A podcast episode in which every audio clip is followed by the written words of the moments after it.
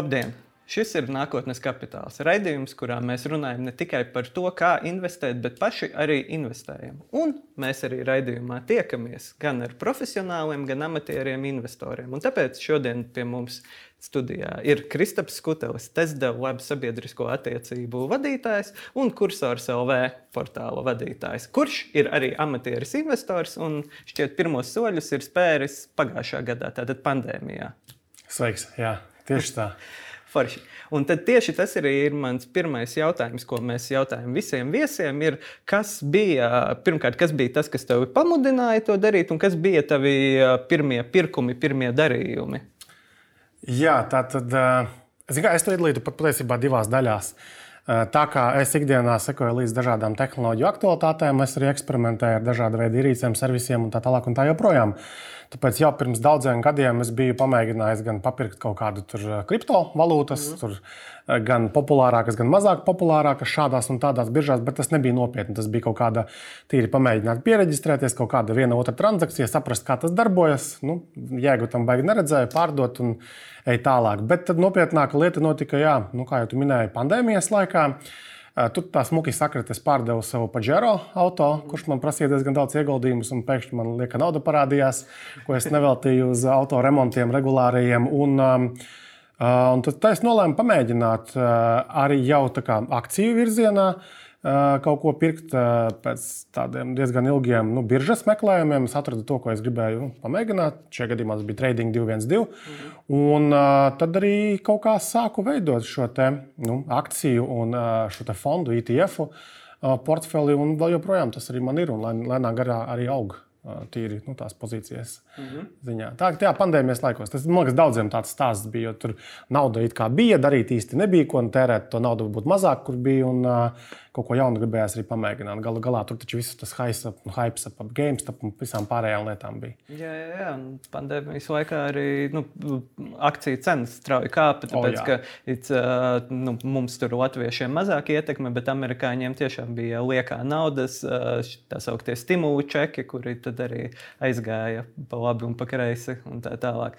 Uh, bet, vai tu atceries, ka, kas bija pirmais, pirmā tava akcija vai ETFs, ko tu nopirki, un vai tev vēl aizvien viņi ir portfelī? Portfelī? Jā, ja mēs runājam par to otro pieejamību, mm -hmm. jau krietni nopietnāko, tad uh, tur bija tāds mikslis. Tur man absolūti nebija skaidrs, vispār, kā tas viss darbojas. Un, uh, Gan, gan tehniski, kā visa tā pirkšana notiek, gan arī kā izpētīt šos uzņēmumus, tīri tā tehniskā analīze un, un, un, un, un, un ko izvēlēties. Bet jau tad man bija pāris pozīcijas, pāris kompānijas, kuras man portfelī joprojām šeit. Un, un tā kā es ikdienā sekoju tehnoloģiju nu, tēmai, uh, tad es pārzinu labāk šīs kompānijas, un man ir sajūta kaut kāda, ka es aptuveni saprotu, nu, kāda ir nezinu, perspektīva nākotnē. Tieši tāpēc man, piemēram, portfelī joprojām ir Apple, joprojām ir Microsoft, joprojām ir AMD, um, Nvidia un uh, daži labi arī teiksim, šī te, nu, mikročipa, jeb, jeb semiconductors. Uh, kompāniju akcijas. Un daļu no tiem es biju iegādājies arī tajā pirmajā mm -hmm. partijā. Pirmajā partijā gan man bija vēl tādas glupības, uh, no enerģijas jomas.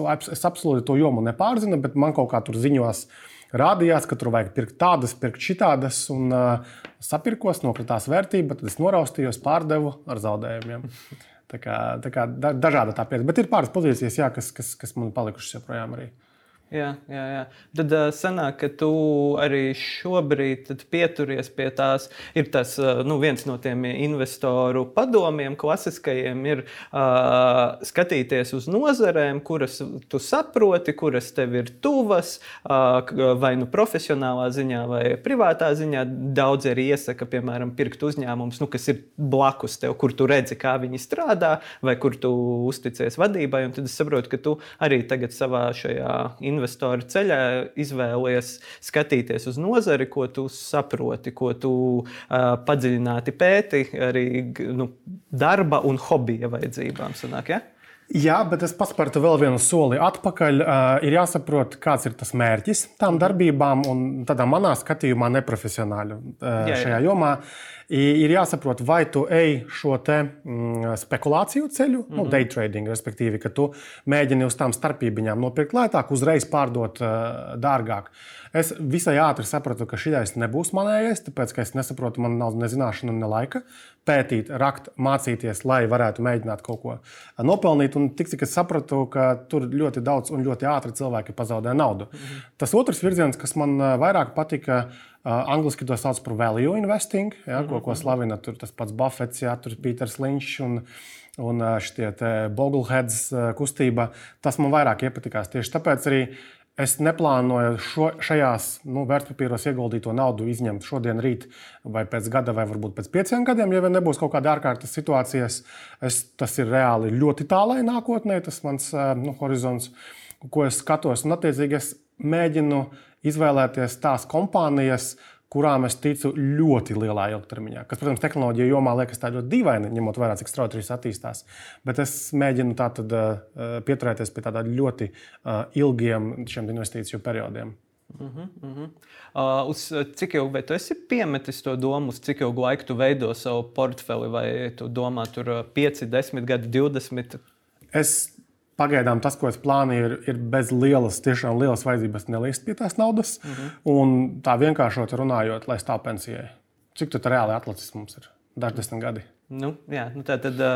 Nu, tad apmēram 25, 35 gadu nu, perspektīva. Jā, jā, tiešām tas, lai stāv tik ilgi, te gan vēl ir jāpiezīmē, ka pirms es uzsāku iegādāties šos vērtspapīrus, es arī sakārtoju otro un trešo pensiju līmeni. Respektīvi, es izskatīju, kāds ir plāns man tam otrajam, jo nu, to mēs varam izvēlēties kaut kādā mērā to turētāju. Un tāpat es arī pieteicos trešajam pensiju līmenim, arī izvērtējot Latvijā mana pensija LV. Tajā vietnē mm -hmm. arī izvēlēties tos plānus salīdzināt vismaz. Un, um, tur arī sataisīta man ir sistēma, kas automātiski ieskaitās naudiņa arī šajos mm. plānos. Plus tad bija tas uh, noteikts, uh, noteiktu mēneša alga apjoma drošības pilvens, ka tas bija izdarīts tikai tad, kad es ķēros klāt pie ieguldījumiem vērtspapīros.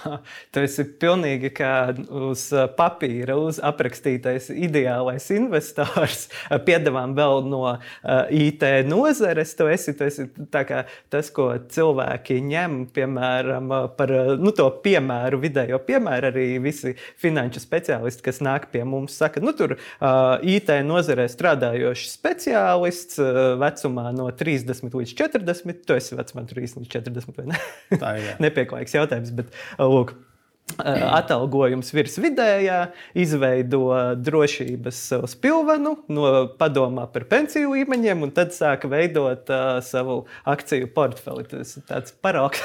Paraugs, ne paraugs, bet vienkārši nu, zinot to, cik pēdējos nu, apzinīgā vecumā es ieguldu laika no savas dzīves darbā un cik grūti nāk tā nauda, es vienkārši negribu viegliprātīgi izturēties pret, pret naudu un izmest kaut kādās lietās. Tas patiesībā ir viens iemesls, kāpēc es eju lielu līkumu ap kriptovalūtām. Jo es gluži vienkārši pat kā uh, ar tehnoloģijām diezgan saistīts cilvēks, es tehniski ne līdz galam izprotu, kā daudzas no šīm lietām darbojas. Mans uzskats ir tāds, ka uh, kripto jomā ir ļoti liels dažāda veida krāpniecību, skemu īpatsvars. Mm. Uh, un mēs katru nedēļu varam lasīt, kā teiksim, tiek izkrāpta nauda šādā biržā vai tādā kaut kādā aktivitātē.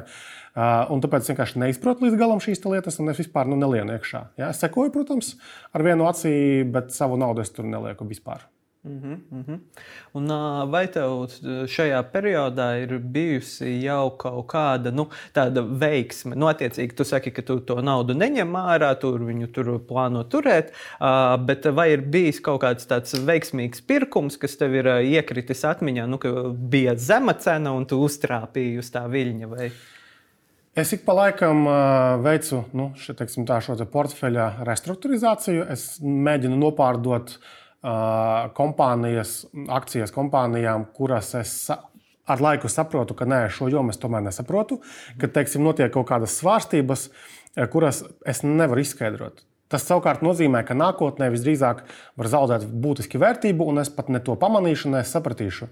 Un šajā gadījumā šīs mazās veiksmītes ir tas, ka esmu spējis pārdot, ja iziet no šīm pozīcijām bez zaudējumiem. Mm -hmm. Tātad ir bijuši kaut kādi mazi plusiņi. Esmu sapratis, ka nē, šeit es nevēlos turpināt, es viņu pārdodu ar maziem plusiem, un tad šo naudu, kas paliek pāri, es atkal ieguldu tajās pozīcijās, kur, kam es joprojām ticu. Tas gan nenozīmē, ka, eh, ka visas ir veiksmīgas arī no tās jomas, ko es arī pārzinu. Piemēram, liels pārsteigums man ir ar to pašu Adobe. Ja, it kā liekas, eh, savā nozarē tehnoloģiju absolūti nepārspēta kompānija, absolūti unikāla kompānija, kurai gluži vienkārši atsevišķās jomās nav un nebūs konkurenta tuvākajā pārskatāmā nākotnē, bet tā ir mana pozīcija ar pietiekami lieliem mīnusiem. Es iegādājos pīķi pagājušā gada mm -hmm. teiksim, sākumā. Un, Tagad viss ir nogāzies lejā, arī tā pozīcija. Tā kā ne visos gadījumos viss ir veiksmīgi. Mm -hmm. Vai vari minēt kādu piemēru, no kā tu esi atteicies, jo tu īsti līdz galam nesaprati, bija pārsteigts, kāpēc vērtība krīt? Nu, ja tu saki, ēdo, bet tev ir palicis. Jā, es izgāju no, no enerģijas kompānijām. Mm -hmm. Protams, tagad uh, noteikti daļa no šīm kompānijām būtu augšā. Jā. Bet atkal pirms gada, kad es izgāju no šīm pozīcijām, es nezināju, ka būs karš Ukrajinā. Neviens to nezināja, atskaitot varbūt uh, Putina kungu. Mm -hmm. bet jā, tādā ziņā prieks, prieks, ka izgāju laukā no šīm pozīcijām. Tur bija pamatā tiešām enerģijas vai arī zaļās enerģijas kompānijas, ko es ne tad sapratu, ne tagad saprotu. Uh -huh. Un, kā šobrīd tavam portfelim nu, tāds kopējais skats ir? Jo nu, tehnoloģijām šis uh, gads ir bijis diezgan skarbs. Ir sevišķi tehnoloģiju izklaides uzņēmumiem, akcijām ir bijis pamatīgs kritiens. Jā, tad, tad um, aptuveni kā es iesāku šo gadu, bija tādi nu, plus daudz pacimtu procentu bija plusos tam portfelim, tik šobrīd ir skaitliskā ziņā mīnusos viss portfelis. Pamatā, jā, tāpēc, ka man ir top, nu, tech, tech heavy šis mm -hmm. portfelis pārsvarā no šāda tipa kompānijām, un tās visas ir. Es teiktu, nevis nu, zaudējušas vērtību, bet atgriežas pie realistiskāka novērtējuma. Ja būsim reāli, uh, teiksim, tajā pieķī bija ārkārtīgi pārvērtētas. Tur arī bija arī, arī nepatīkami stāsti. Tas pats slavenais Netflix. Es nopirku Netflixu tieši dienu pirms nokritās vērtība, pēc tam vērtība nokritās uz pusi stabili. Tagad lēnītēm viņa gan pakāpusies. Bet es nevaru saņemties pārdot šo pozīciju, jo kopumā man liekas, ka Netflix nekur nepazudīs īsti. Tik cik vienkārši man vajag saņemties un tagad gaidīt, var gadīties, ka pat diezgan ilgu laiku, lai vismaz nodzēstu šos te, nu, uz papīra šobrīd mīnusus šai mm -hmm. kompānijai. Mm -hmm. Un tu teici, ka tev ir arī ETF, ka kaut kādi tie arī ir tehnoloģijas sektors vai kaut kas, kas apkopo kaut ko plašāku. Jā, tā tad arī vēl viena no tādām atziņām, ko es gribētu būt bijis saprast jau laicīgāk. Uh, varējām varbūt mazāk nodarboties ar tā saucamo stock picking, jeb izvēlēties atsevišķas kompānijas. Jo Nē, es saprotu, kā to darīt, nē, es saprotu pareizo momentu, kurā ieiet un mm. iziet no pozīcijām.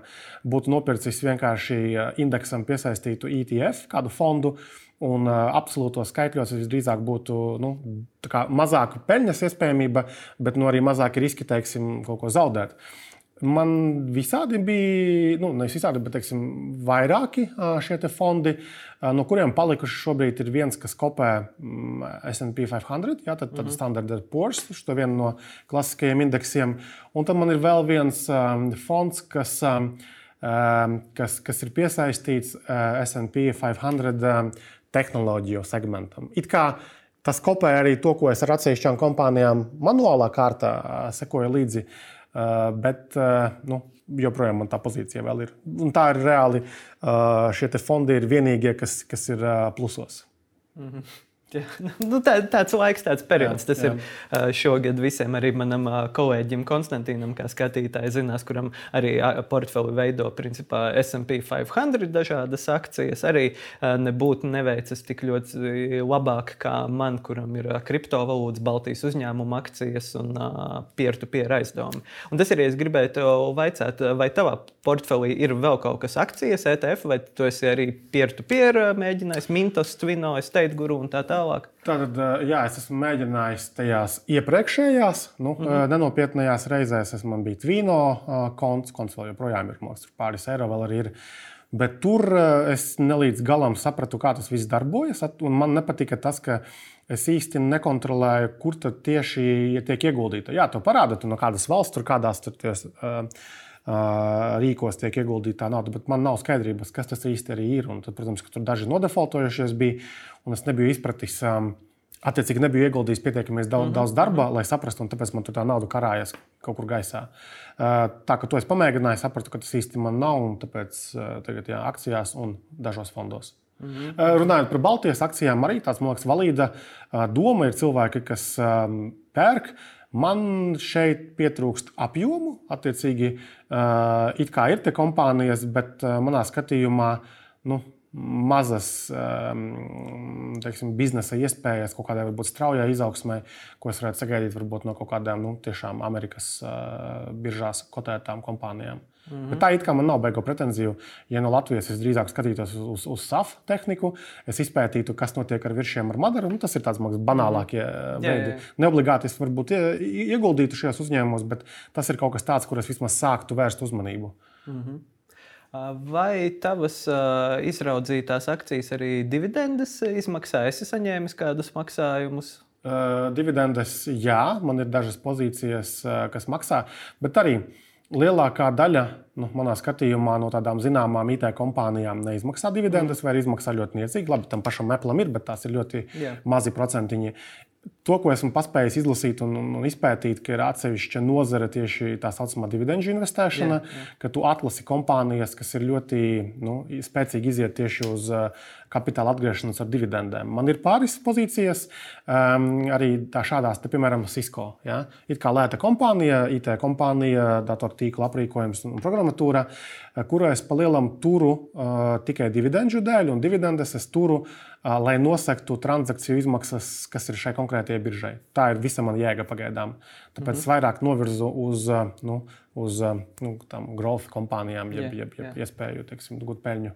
Jā, jā, jā. No tieši, tieši gribēju vaicāt, tu jau atbildēji par to, kāds ir tavs uh, dividendžu mērķis, vai tu viņus reinvestē, bet sanāk, ka tu finansē savu uh, darbību. Jā, vienu momentu es mēģināju tos uh, nekustamā īpašuma kompānijas, tos reids Uh -huh.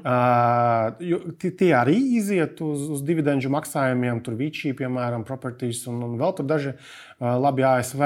Bet tad es atkal nonācu līdz tai pašai atziņai, ka es nesaprotu to biznesu. Es nesaprotu, kāpēc teiksim, vienā brīdī tur pēkšņi krītas vērtība, vai vienā brīdī teiksim, pēkšņi otrādi kāpjas tā vērtība. Es nevaru izskaidrot.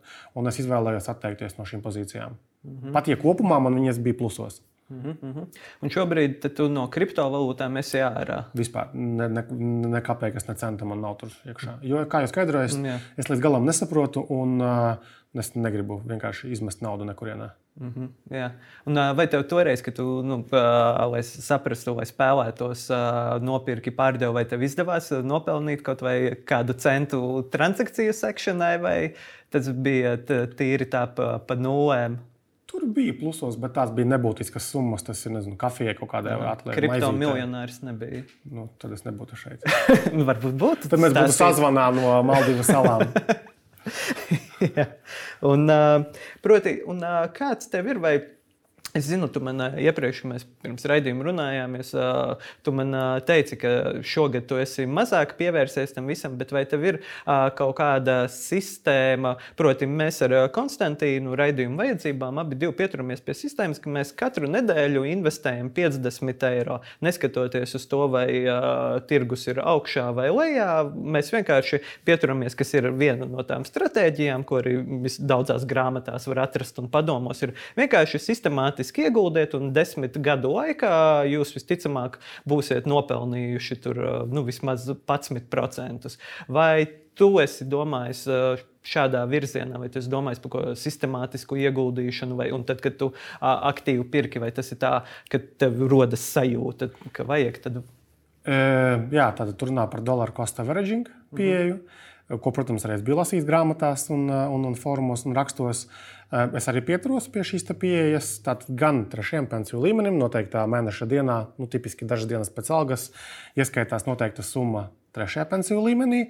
Un katru nedēļu, tātad svētdienas agrā rītā, kad es vēl potenciāli guļu, aizskaitās nauda arī uz biržu. Tā summa nav pārāk liela, lai es viņu tā baigi justu, ka, ka man novelkās no kartes, mm -hmm. uh, bet nav arī pietiekami maza, lai man rastos teiksim, problēmas ar nu, transakciju, teiksim, šī te izmaksas mm -hmm. pārāk augstas un ka tur nekas nekrājas. Tātad, jā, katru nedēļu automātiski skaitās uz biržu, kuras, uh, ko es tad automātiski arī tieši ETF-os ieguldu. Tad, kad man uh, mēneša beigās paliek neiztērēta nauda, tad to es arī manuāli ieguldu tālāk, jo konkrētās akcijās.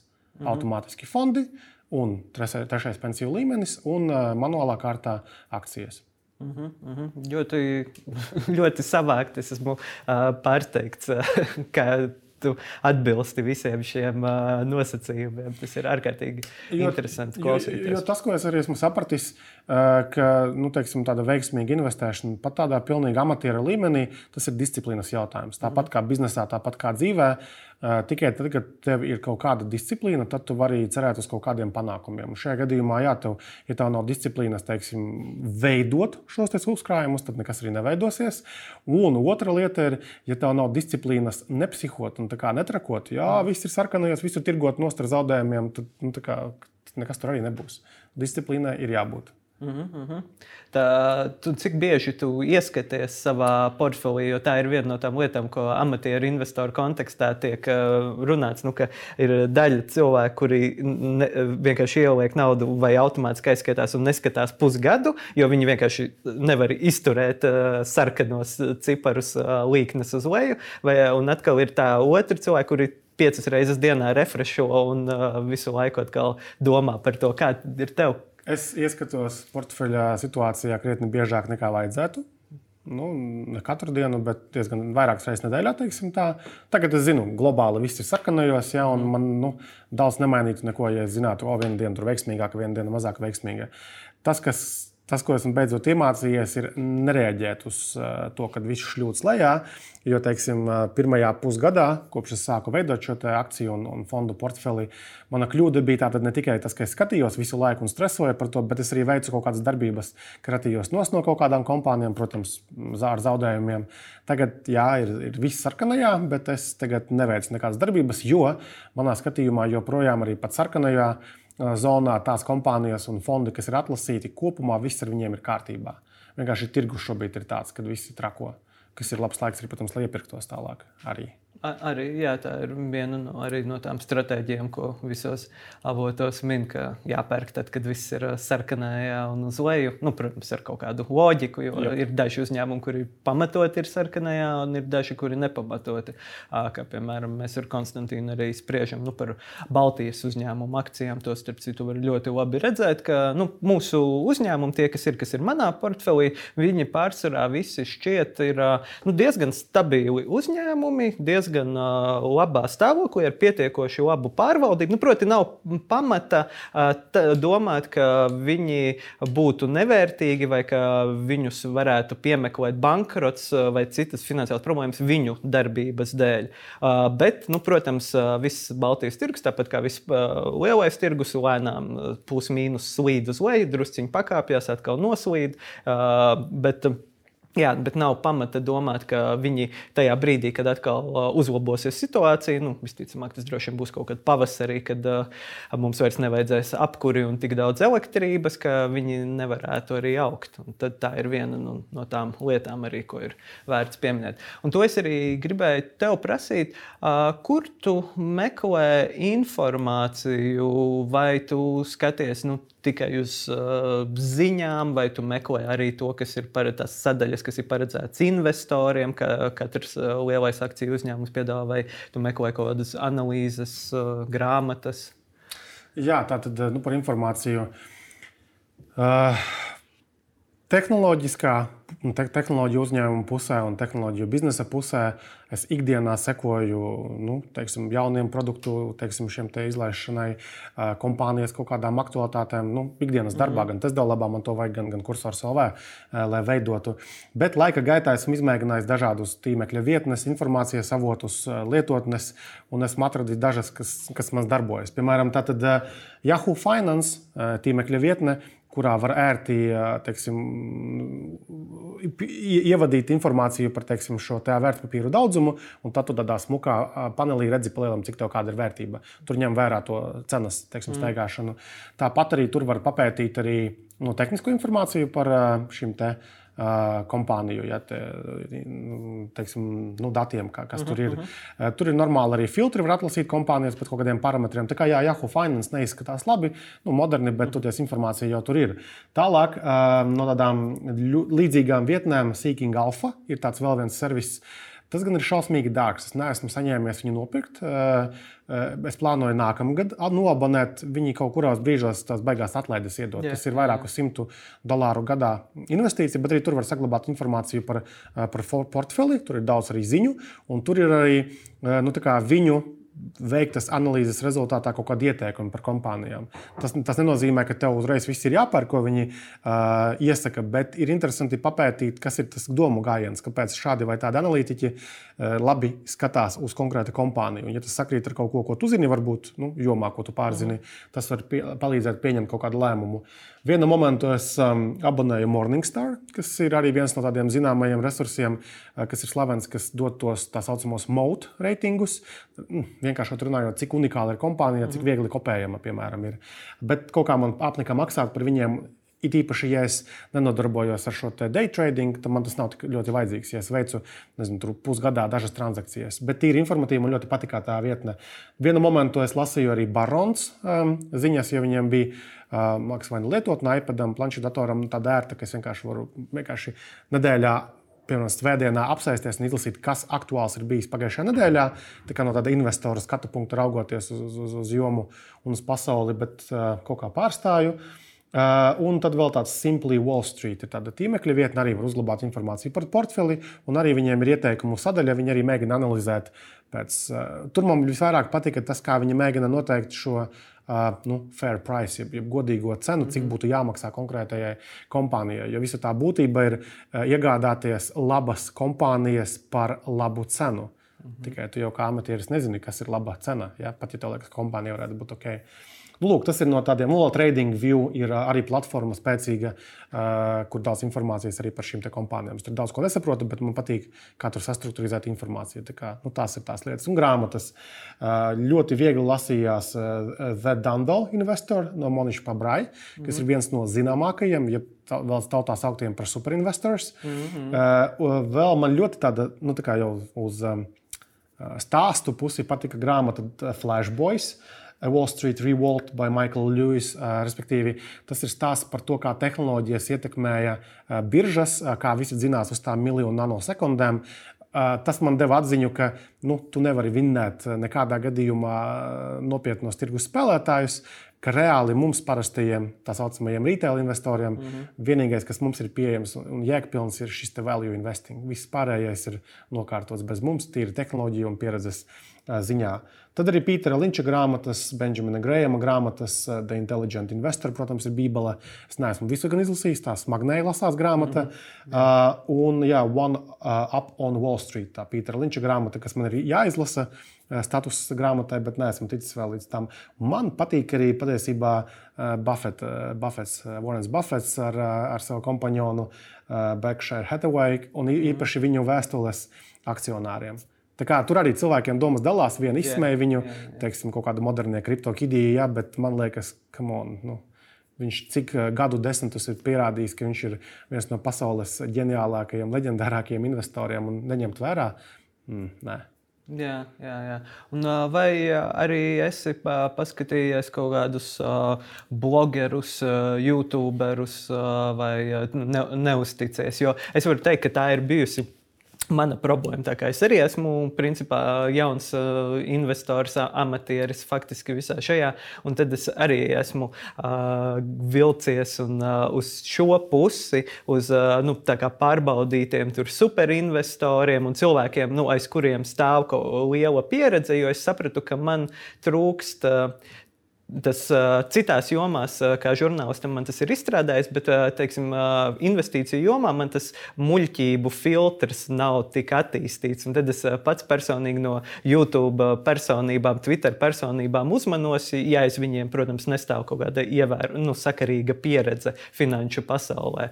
Vai kā tev ir? Tā tad, tā, kad es sāku šo te, nu, otro savu pieejamību šai mm -hmm. jomai, protams, uh, Es uh, skatījos um, dažus youtuberus, es neatceros daļu no viņiem, kā sauc, bet man vairāk patika tas, kā viņi veido šovu. Mm -hmm. Es visai ātri sapratu, ka viņu bizness ir pelnīt uz, Skatījumu. uz, uz partneru programmām, affiliate marketingu, jo viņi tur katrs strūm, tur M1 Finance, mm -hmm. ja, tur, nu, un citas Amerikā zināmas teiksim, kompānijas. Robins Hoods. Jā, Robins Hoods, jā, kuram tagad iet kā iet. Okay. Uh, lūk, šovs, bet es nekad manuprāt, nebiju balstījis savus akciju pirkumus uz to, ko viņi saka. Mm -hmm. Vienīgais tāds YouTuberis no šīs jomas, ko es vēl šad un tad paskatos, ir Jozefs Karlsons. Mm -hmm. Viņš ir tāds ļoti nosvērts, ļoti mierīgs. Viņš, jā, viņš veido savu portfeli, viņš rāda un stāsta, kas, kā, kā tur izskatījās, ko viņš pārdeva.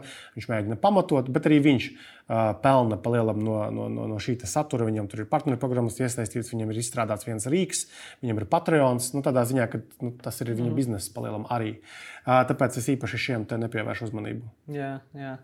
Un, uh, uz sarunas nobeigumu uh, mēs viesiem arī prasām uh, kaut kādus padomus vai uh, principus, ko varētu ieteikt uh, citiem investoriem. Tad varbūt arī tev, nu, ņemot vērā, ka tu esi paspēlējis un pagājušajā gadā sācis un tā tālāk, kas būtu tavi ieteikumi cilvēkiem, kuri vēl nav sākuši, kuri tagad, nu, piemēram, krīzes laikā, viņi saprot, ka inflācija šausmīgi apēd visus uh, liekos līdzekļus, tad uh, no kura gala sākt vai darīt līdzīgi kā tev, vai eh, kas būtu tie padomi, ko tu dotu sev, ja tu varētu laika mašīnā iekāpt? Tā tad eh, atkal man būs ļoti garlaicīgs eh, un neinteresants ieteikums, bet lūdzu izpētiet nodokļu pusi šim jautājumam. Šeit paldies jums par rakstu, kurā jūs bijāt sagatavojuši rakstu. Es nezinu, vai tu, bet Delfos bija Kolēģi, raksts, jā. kurā bija izskaidrots, kā reģistrēt pie valsts ieņēmuma dienesta arī šīs ārzemju platformas. Eh, un balstoties uz šo informāciju, es arī pie vida pierakstēju teiksim, šo te mm, platformas kontu kā ieguldījumu kontu. Tur ir divi virzieni, tur vērtspapīra ieguldījumu konts. Man liekas, ka man to jānoformē kā ieguldījumu kontu, un tas arī bija veiksmīgi izdarīts, eh, jo lai nav pēc tam nepatīkami pārsteigumi no sērijas, kad pienāk varbūt tas brīdis, kad tu gribi vēlēties to naudu izņemt laukā, un tad tev ir kaut kādi šie te varbūt plusos, tu esi, un tad ir jāsāk skaidroties, uh, kāpēc tu neesi kaut ko maksājis, nu, kad tā nauda ienāk mm. tavos kontos. Labāk šo jautājumu sakārtot laicīgi, un uh, laicīgi to vienkāršāk sakārtot, izvēloties vienkārši akciju iegādi organizēt vietējās Latvijas bankās, kur it kā liekas, nu, oi, kur tur vietējā bankā, kas tas ir. Bet tur ir sakārtot šis jautājums. Ja? Tur, protams, jāsaprot komisijas maksu un, un darbības ātruma jautājums, bet tādiem value investoriem tas nav liekas, tik būtiski, jo mm. tur ātrums nav tik svarīgs. Tu neesi kā day traderis. Un tad ir svarīgi jāizvēlas tā platforma. Platforma ir daudz un dažādas. Jāpa, jāpapēta, kas ir pieejams Eiropā, kas ir kaut cik drošs Eiropā, tīri no garantētajām varbūt, izmaksām kaut kādām. Uh, un tad ir jāiemācās vispār, kā viņa darbojas, jāpadara droša šī platforma ar visiem šiem divu faktoru autentifikācijām, lai pēkšņi, kad tev tur kaut kāda nauda uzkrāsies, noteikti būs mēģinājumi kaut ko izkrāpt no tevis tos datus un, un to naudu. Uh, tas ir jāsakārto drošībā. Mm, Un tad tās garlaicīgās lietas par to drošības pilvenu, mm. nu, pirms jau okay. tērē naudu investīcijām. Un tad ļoti prātīgi pieeja. Nu, atkal, tas ir mans ieteikums. Prātīgi vienkārši daudz lasi, daudz pēti, un tad tālāk uh, tu jau būsi tas noteicējs, kas ar tavu naudu būs. Tā ir tava nauda. Tu pats zini, cik tev viņa viegli nāk vai nenāk. Uh, un jo vieglāk tev nauda nāk, jo vieglāk prātīgāk tu pret viņu attieksies mm. arī pēc tam ieguldījumos. Jā. Man, man patīk tā, tā kopējā pieeja, tā cieņa pret uh, nopelnīto naudu. To vairākas reizes atbildēs pieminēju. Man tas šķiet, ka tas ir arī ļoti svarīgi visiem. Uh, it sevišķi varbūt uh, gados jaunākiem investoriem, arī, kuri ir piemēram sākuši ar kriptovalūtām, un tad varbūt ir atnākusi, ja piemēram. Uh, piemēram, pagājušā gada sākumā izdevās nopirkt un pagājušā gada novembrī, decembrī pārdot, tad naudas atnāca viegli. Bet, kā saka daudz arī profesionāļi, tad visticamāk tāds periods, kāds bija iepriekš, sākot no, kad beidzās pagājušā krīze, līdz uh, nu, šai faktiski krīzei, uh, tik ilgi, tik drīz vairs finanšu pasaulē neatgriezīsies. Mums ir visiem jābūt prātīgiem. Jā, es domāju, ka joprojām pastāv kaut kāds arī nu, kā tas uh, gadījuma, jeb, jeb randoma aspekts, mm. ka var izšaut Protams. kaut kādas lietas, par kuras tu nepamanīji vai neiedomājies. Bet Es to uztveru tā, ka tā būs nevis mana vaina, mana kļūda, ka es to nepamanīju, bet tas ir vienkārši mana pieeja. Es nenodarbojos ar azartspēlēm, vispār azartspēlēs neiesaistos. Es neko nemēģinu laimēt tāpat vienas. nenodarbojas ar kaut kādām tādām spekulatīvām lietām. Mm. Tikai un vienīgi ilgtermiņa, ļoti garlaicīga, varbūt bez ārprātīgas peļņas iespējām šī te, nu, value investing. Tā, tā ir mana pieeja. Katram ir jāsaprot, ko viņš grib darīt, kāda viņam ir riska apetīte, kāds ir viņam tas laika uh, nu, horizonts, cik viņš ilgi grib skatīties nākotnē. Uh, ar saviem ieguldījumiem, un galu galā, cik viņam ir līdzekļi, ko viņš var ieguldīt. Kam ir jaunāks, protams, var pašaut vaļā. Tur varbūt tev būs laiks vēl paspēt atpelnīt kaut kādas lietas. Mm -hmm. un ar šo padomu es arī teikšu paldies uh, Kristapam Skutelim un skatītājiem atgādināšu, ka, ja jūs vēlaties zināt, kā veicas manam un Konstantīna portfelim, tad uh, jūs varat uh, katru pirmdienu nākotnes kapitāla LV paskatīties. Mēs publicējam rakstus par to, kā mums iet. Šobrīd neiet pārāk labi. Un, protams, arī nākotnes kapitāla LV jūs varat atrast gan šos raidījumus, kur mēs tiekamies gan ar amatieriem, gan profesionāliem investoriem, un arī rakstus par to, kā veicas, un kā arī Kristaps noreklamēja par to, kā izdarīt dažādas lietas finanšu pasaulē. Paldies, Kristap! Paldies! Paldies skatītājiem! Visu labu! Tā.